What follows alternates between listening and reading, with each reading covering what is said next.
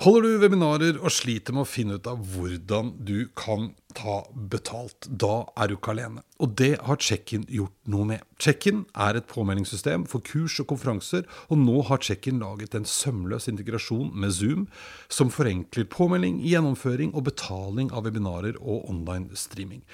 Sjekk ut checkin.no slash 30 minutter for å finne ut hvordan du kan tjene penger på dine webinarer med Check-in.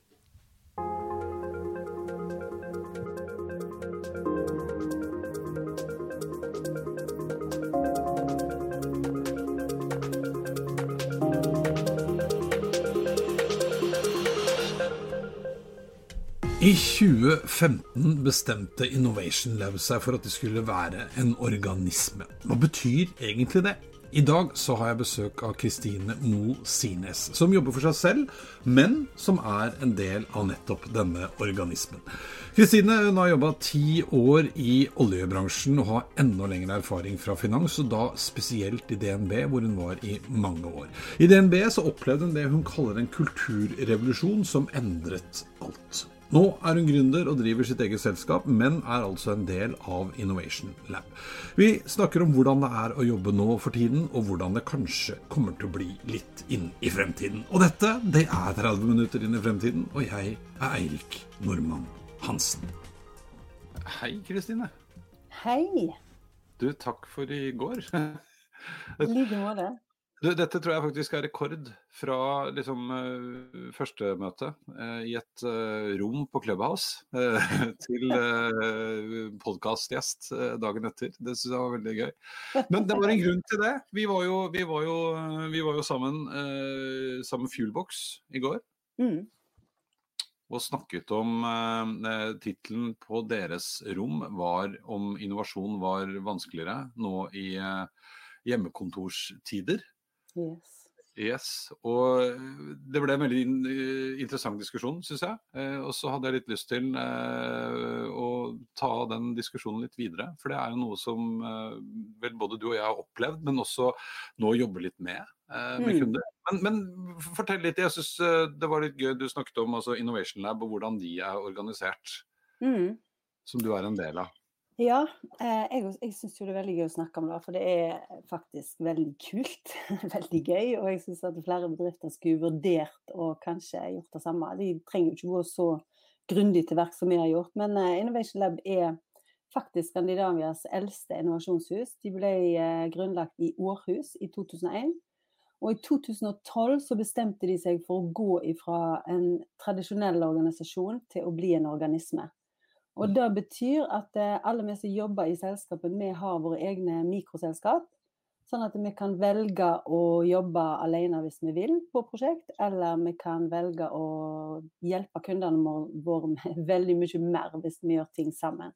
Mm. Så jeg har eh, altså Største miljøet sitter jo i Århus og i København. Og så har jeg eh, to kollegaer i San Francisco, en i Barcelona, en i Cambridge, og så er vi tre her i Stavanger som skal dekke Norge, da.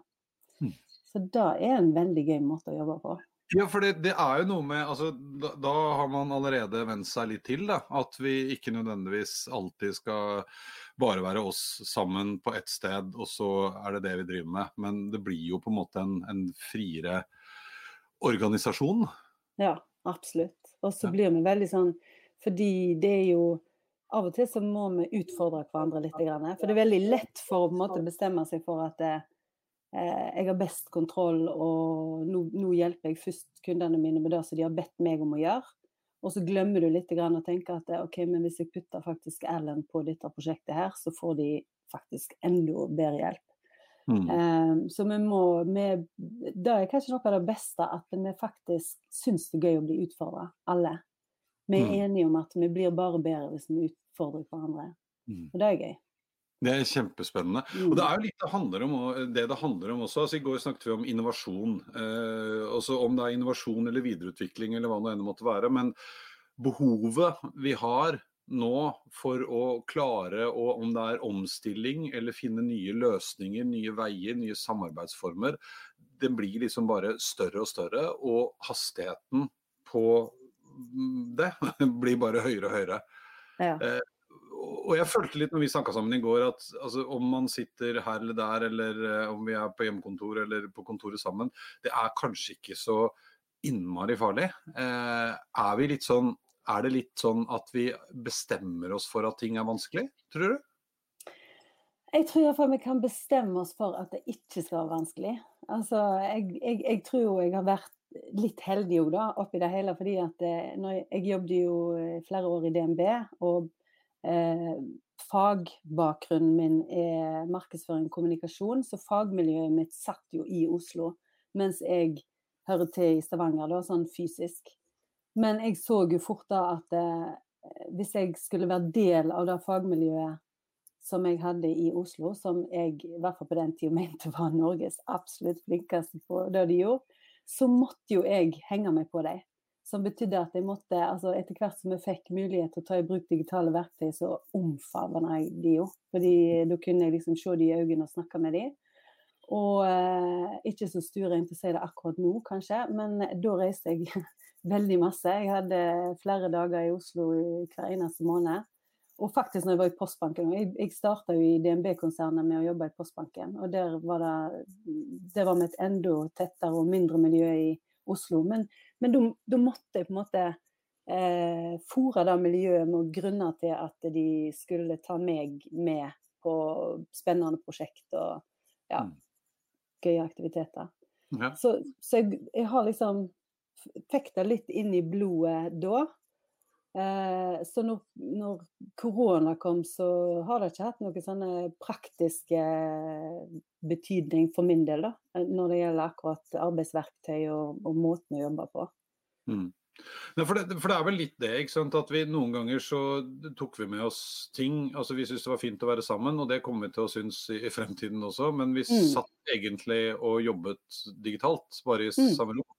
Mm. Eh, for det ble jeg litt fram til at vi, Jeg har litt sånn inntrykk av noen ganger at vi, vi, bestemmer oss for at dette er vanskelig bare fordi det er annerledes. Og fordi det, altså som du sier, det man kanskje ellers skulle bestemt seg for at dette går fint, så, eh, så, så, funker det. Men du, Har du noe sånn, har du noe sånn uh, favorittverktøy? Uh, det skulle jeg kanskje spurt om på forhånd, men har du noe digitalt uh, favorittverktøy? Ja, altså gud, jeg blir litt sånn her, hvor skal jeg begynne? Akkurat nå så er det kanskje Slack. Mm. Eh, fordi at jeg har brukt Slack lenge, men jeg har ikke funnet helt ut av det, tror jeg, før nå. Mm. Eh, men jeg ser at nå klarer jeg å dra med meg flere og flere av de som jeg er i prosjekt med, da, til å bruke Slack. Og jeg bare syns det blir mer og mer magisk og fantastisk. fordi at der kan vi ja, altså vi kan nesten chatte hvis vi er på samtidig. Vi kan dele dokument, og nå ser jeg de er blitt enda bedre med at du kan implementere eller koble sammen med andre apper som du kanskje har å bruke i det daglige, som Google Docs og andre ting. Mm, mm. Eh, og på, altså både når jeg var i DNB, så var jeg vant med å bruke Workplace, som er Facebook sin uh, interne plattform. Og heldigvis så brukte jeg den i Innovation Lab òg, og den er jo helt nydelig når jeg har kollegaer i San Francisco som ligger ni timer bak oss i tid. Så, så, kan jeg liksom legge igjen beskjed til de, dele dokument med de, starte samtaler og ja. Så jeg kunne fortsette på den lista, men ja. Ja. Men, men eh, hvis, vi, hvis, vi, tenker oss det vi jeg tror vi er ganske enige om, er at uh, uansett hvor lang tid det nå tar før vi får uh, sprøyte i armen alle sammen, så mm. kommer nok verden til å være litt annerledes uh, mm. også etter dette. Og vi kommer til å jobbe mer digitalt, og vi kommer til å være mer distribuert. Jeg snakket med en uh, her om dagen som var litt sånn Nå har vi jo ikke tenkt på det siste halvåret hvor folk bor. Vi har bare ansatt flinke folk, vi, og de bor jo i hytt og gevær. Kommer vi til å klare å lage den kulturen, og kommer vi til å klare å løse problemer sammen, sånn som vi gjorde før? Mm. Uh, og da tenkte jeg at det hadde vært litt gøy å høre. Hvordan, hva, hvis vi skal gi noen råd har vi noen gode råd? Hvor skal vi? Uh, ja, fordi Altså, jeg tror um, det er en eller annen sånn oppfatning av Eller la meg begynne sånn. Jeg har lest veldig mange store sånne Global Workplace Reports som sier at uh, til og med i Norge så er vi ikke veldig motiverte og veldig engasjerte når vi går på jobb. Uh, den største undersøkelsen jeg har sett, den har vist at det er 10% av den totale arbeids, uh, arbeidende del av den globale befolkningen som er engasjert i jobben sin. Og tilsvarende tall er 17% tror jeg for Norge, som er jo helt skrekkelig, spør du meg. Um, og så, så, det, så er jo det, det er jo ikke noe enkelt svar på hvorfor det er sånn, men jeg tror jo det handler veldig mye om oppgaver og hva mening folk opplever i liksom, bidraget som de gir til selskapet. Mm. Og der stilles det litt krav til ledere, tenker jeg. Det er, et, altså, det er, ikke et lederansvar å underholde de ansatte eller eh, liksom piske de til å levere nok, eller sånt. Men det er et lederansvar å få alle til å forstå at de betyr noe. Og mm. at alt Altså hver eneste er, Det er ikke alt som er fortreffelig med Jeff Bezos, men jeg syns Og akkurat nå så så vet jeg ikke om han har hold for alt han har sagt, men han har på en måte alltid fremma det der at er hver eneste altså Til og med vaskepersonellet, som du ikke tenker på kanskje som en del av eh, de ansatte, men til og med de skal ha i ryggmargen at de jobber i Amazon, og at de, hvis de fanger opp et eh, problem eller en utfordring eller et tips eller et innspill eller hva det måtte være, så, så skal de synes det er gøy å melde det videre, for de vet at det blir eh, tatt hånd om. Mm. Mens jeg ser jo jeg jobber med masse selskap, og jeg ser at det, eh, til og med i selskap med god kultur, så, så, kan det være en god kultur fordi at folk har kjent hverandre lenge, og at de har det veldig gøy og de er trygge på hverandre og sånn. Men det er ikke sikkert at de får arbeidsoppgaver som faktisk engasjerer. Som de altså Betyr det noe at akkurat jeg sitter med denne oppgaven? Kunne vært hvem som helst som gjorde den.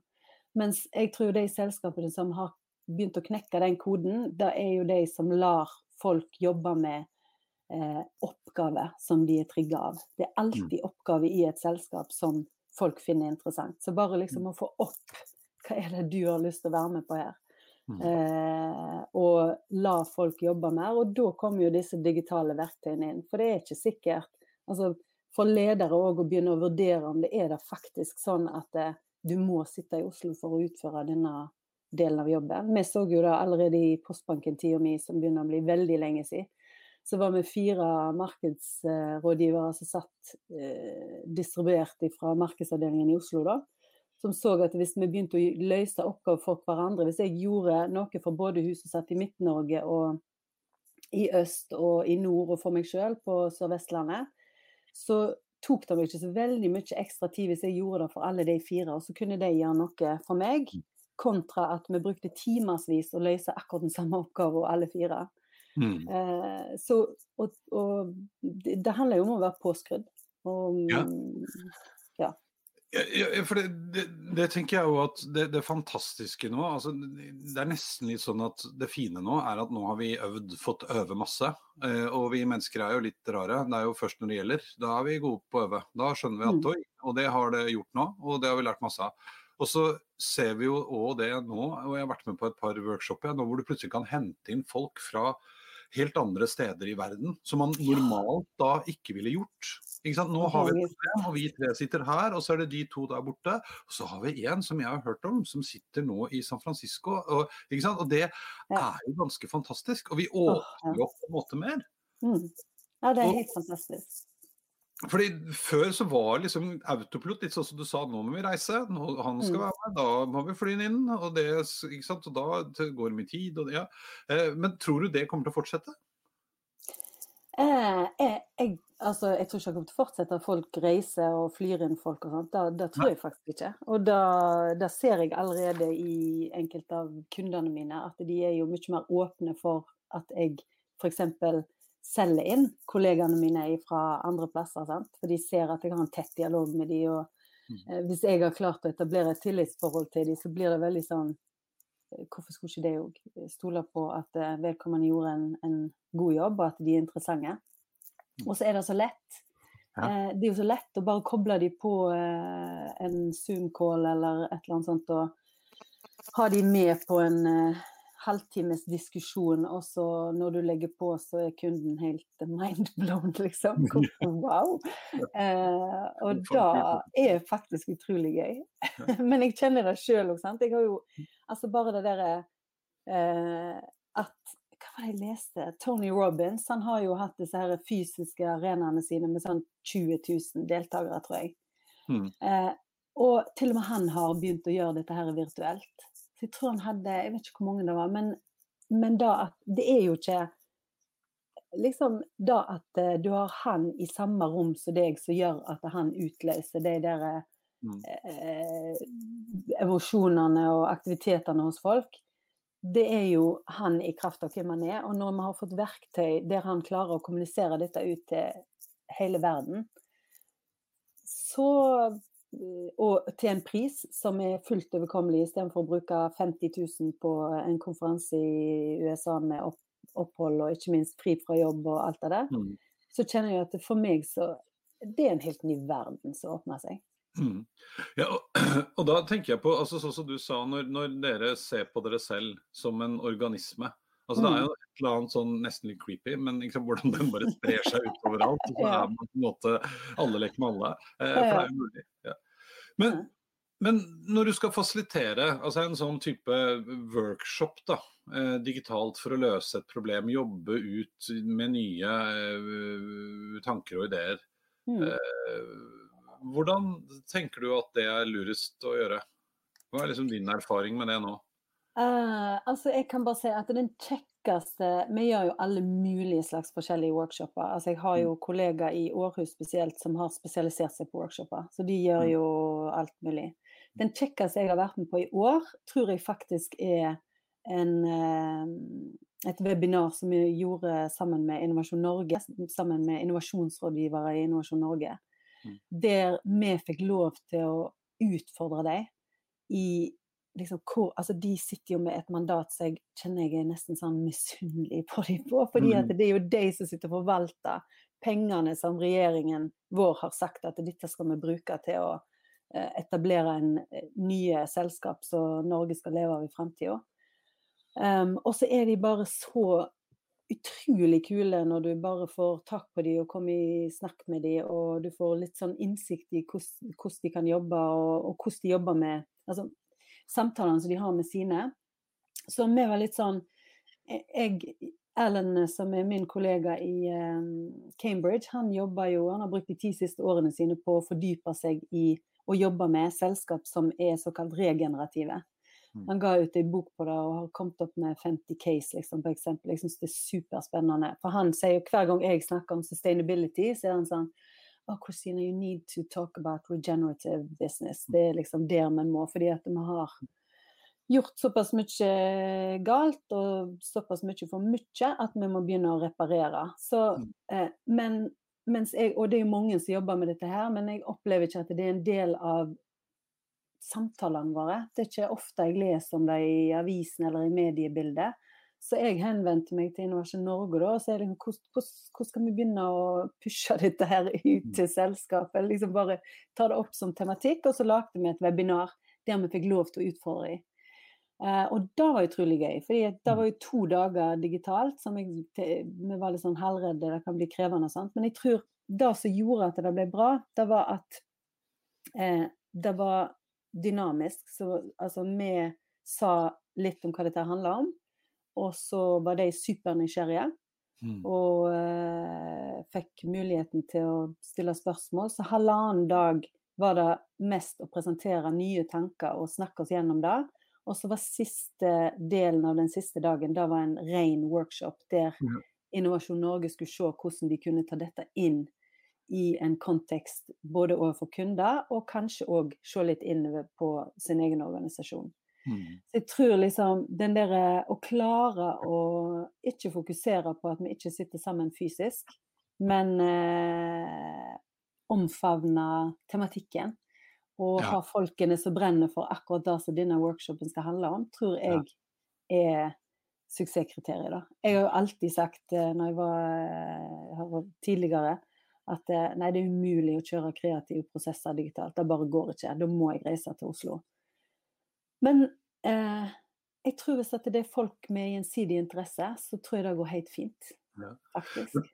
Det er vel litt det vi snakka om i stad. Altså det jeg mente med at man bestemmer seg for at dette er vanskelig, eh, ja. uten at man kanskje egentlig har noe særlig grunnlag for det. Det er vel mm. bare den endringstingen da, som slår inn.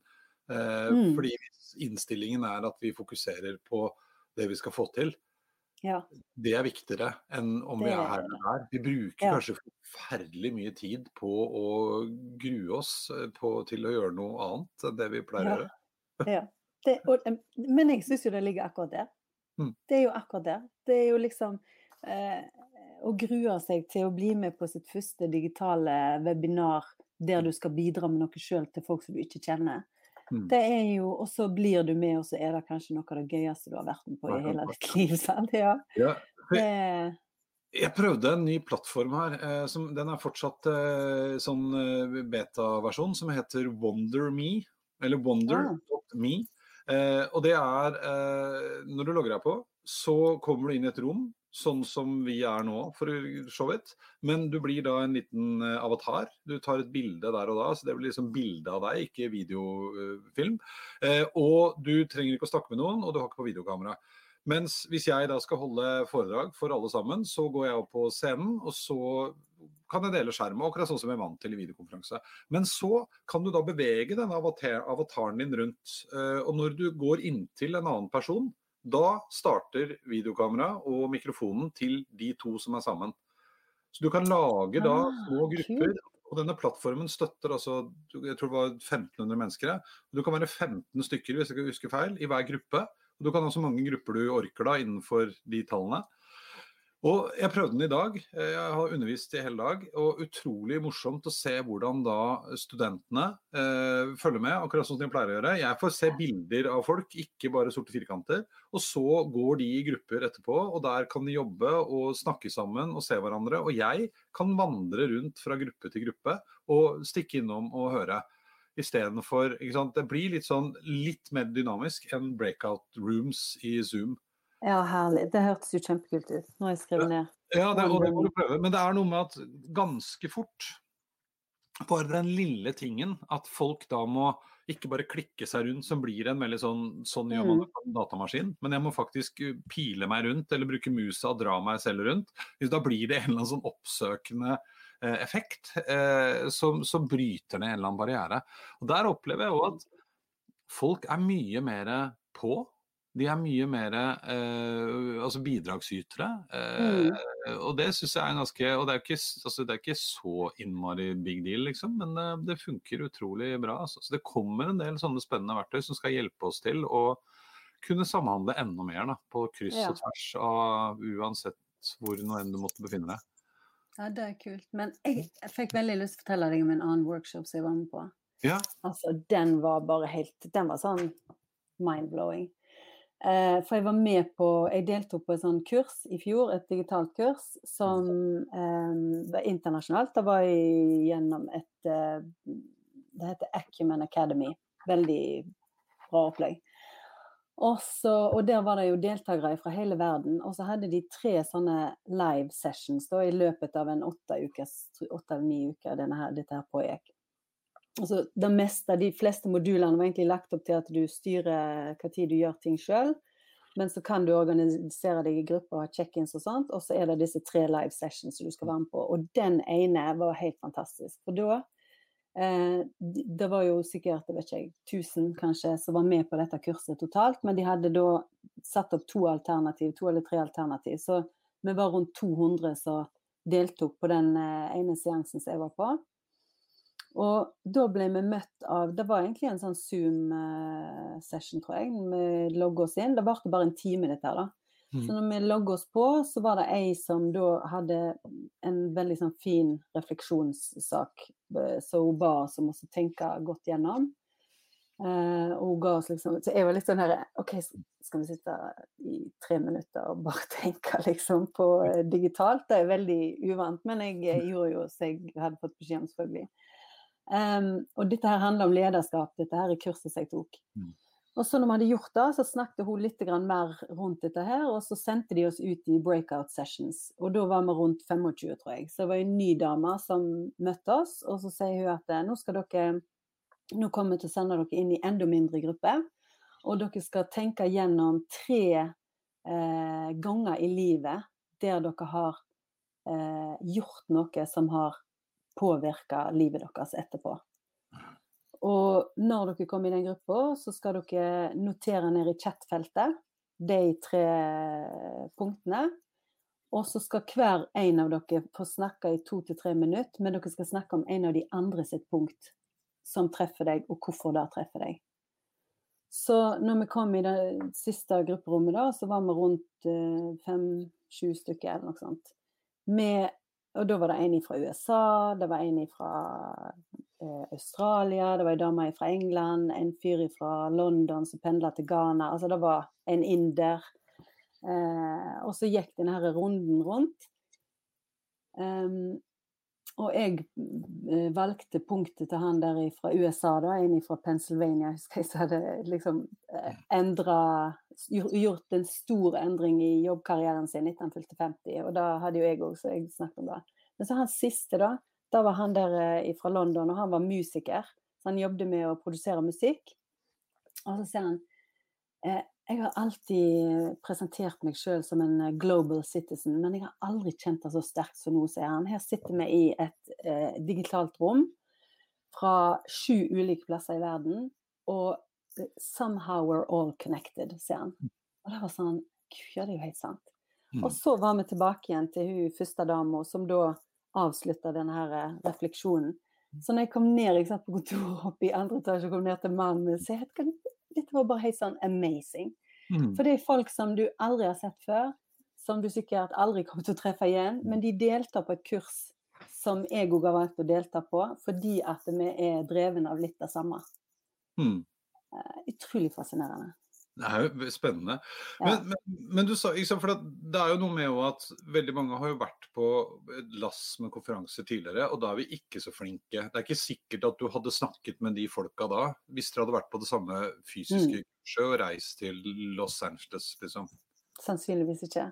Nei, for det, det, var det jeg ville fram til, eller det som slo meg nå òg. At når du, når du, forteller om disse workshopene eh, som dere har gjort digitalt, mm. så er det noe med hvordan man legger det opp også. ikke sant? Altså, mm. De tar noen valg, de snevrer det inn. Du blir på en måte litt pressa inn i en gruppe eh, sammen med noen andre. Men når du da sitter der sånn som vi gjør nå og ser hverandre, så kan du ikke ikke si noe. Nei. det er veldig er det jo ikke så skummelt. Altså Jeg syns også ofte ikke det er så skummelt å treffe noen eh, digitalt som det det kanskje kan være. Eh, særlig sånn når man er ute og farter, da. Nei, jeg er helt enig. Altså, jeg syns jo det er så kult at uh, vi ble kjent i går, og så sitter vi her nå. ja, ja, ja. ja, og vi er jo liksom, Oslo, og Stavanger, det er ikke akkurat i nabolaget. Du hadde nei. antagelig ikke satt av tid i dag til å fly inn til Oslo, eller jeg ned til deg for å ha deg med i podkast. Men mm. tida flyr når man har det gøy. Eh, det vi vel er enige om, er at uh, man må tørre å gjøre ting litt annerledes. Men det er ingenting som tyder på at ikke dette her kanskje snarere tvert imot er en større mulighet for oss enn et hinder. Ja, jeg er helt overbevist om det. Ja, men, men, eh. igjen så treffer man jo veldig fort folk som er sant, skeptiske. Eh, hva skal vi si til dem, da? Eh, du har jo vært med på mange mange workshoper og møter og, og jobbet med kunder nå. Hva skal vi si til dem? Nei, altså Det er jo her jeg eh, kjenner at den der eh, missionen min da, om å få ledere til å forstå hva rolle de har. For det må begynne der. Det må begynne med lederskapet. Altså Alle disse undersøkelsene som vi ser om hvordan tilstanden er, så er det en lederutfordring å få en organisasjon til å fungere.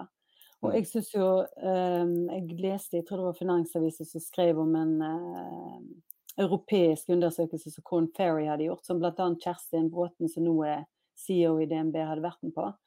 Og de stilte henne spørsmål om hva er den største lederutfordringen din i de neste to-tre åra, og hun svarer at det er, få, det er å bygge en organisasjon av mennesker som opptrer som en CEO. Som betyr at du, du må ta handlingsrommet, og du må skape aktivitetene sjøl. Du må liksom finne ut hva du har lyst til å jobbe med, og hvor du fungerer best. For da kommer alle til å tjene på det. Men, og jeg vet at eh, altså, DNB er superflinke i forhold til å gjøre akkurat det. De har jobba med det lenge og sånt. Men for, det, det, er ikke alle selskap som har midlene f.eks. til de store selskapene som Equinor og DNB til å, til, til å ha tålmodighet til å jobbe med sånt i årevis og få en kultur til å fungere på den måten. Så til alle de andre lederne så vil jo jeg si altså, du må bare tvinge deg sjøl til å slippe kontrollen og til å innta den rollen der du går til dine medarbeidere og spør dem hva er det jeg kan gjøre for at du skal ha det best mulig på jobb. Fordi at hvis de gjør det, så kommer de til å få altså de kommer til å få en vekst av en annen verden. For da har mm. vi ikke kultur for å ha gjort. Vi har ikke kultur for å ha gjort det i den vestlige verden. Til å liksom tenke at eh, at eh, det, det, er mange ledere nå som snakker om gullet vårt og alt dette, det er menneskene. Men vi har ikke kultur for å klare å utløse det potensialet som ligger der. Nei. Og så er det jo nå sånn og, og, at flere har jo på en måte fått smake litt på den friheten, den fleksibiliteten som vi i utgangspunktet har blitt litt påtvunget. Men mm. veldig mange, og ikke alle, og veldig respekt for at det er mange som syns dette har vært forferdelig vanskelig også, men veldig mange har jo også sett at jøss, dette er fett. Litt, ikke sant, han jeg snakket om i stad, som plutselig nesten oppdaget at jøss, vi driver og ansetter folk som jobber, bor helt andre steder enn det vi er vant til. Eh, og det slår andre veien. Og folk forventer på en måte fleksibiliteten, ikke fordi de skal dra tidlig på hytta, men fordi at jeg har nå lyst til å flytte til Lom og bo der ei lita stund. Ja, ikke sant? Og da må du som arbeidsgiver faktisk finne deg i at ja. uh, sånn er det. Hvis ikke så får jeg begynne å jobbe et annet sted. Og det er jo litt sånn nomader som deg og meg og du. ikke sant? Vi er voksne folk som allikevel har funnet ut litt mot normalt at nei, nå har jeg lyst til å begynne for meg selv, jeg. Mm. Men det er jo ingen land i verden det er bedre å gjøre det i enn Norge. Altså, vi har jo sikkerhetsnett, og jeg, jeg, gikk inn i det med en tanke om at det, dette må jeg bare teste. Og mm. funker det ikke, så må jeg bare søke meg en fast jobb etterpå. Altså, det, det verste som kan skje, er at jeg må få arbeidsledighetstrygd eh, noen måneder. En eller annen jobb får jeg jo. Ja, ja. Eh, og da, da er jo ikke så svart bilde, tenker jeg. Vi, vi, tror dette er deilig. Eh, vi tror at dette ordner seg. Eh, alt går bra. Vi kan eh, leve og bo hvor vi vil og jobbe sammen i hytt og gevær. Jeg tror jo også at flere og flere etter hvert nå ikke vil være like opptatt av å ha fast jobb. Altså, jeg har truffet ganske mange i det siste som ja. før pandemi også har hatt uh, sant, vært tilknytt, eller driver eget selskap, leier seg ut litt her og litt der. Uh, ja. Noen lange kontrakter, men så skal jeg på ekspedisjon i to måneder. Ja. Da får jeg gjøre det. men, du, hvordan, ja. Hvordan tror du når altså tida flyr, eh, tror du, hvordan tror du verden ser ut i 2030? Det er ni år til bare, faktisk. Da tror jeg faktisk at eh, selskap har gått over til å bli mer nettverk.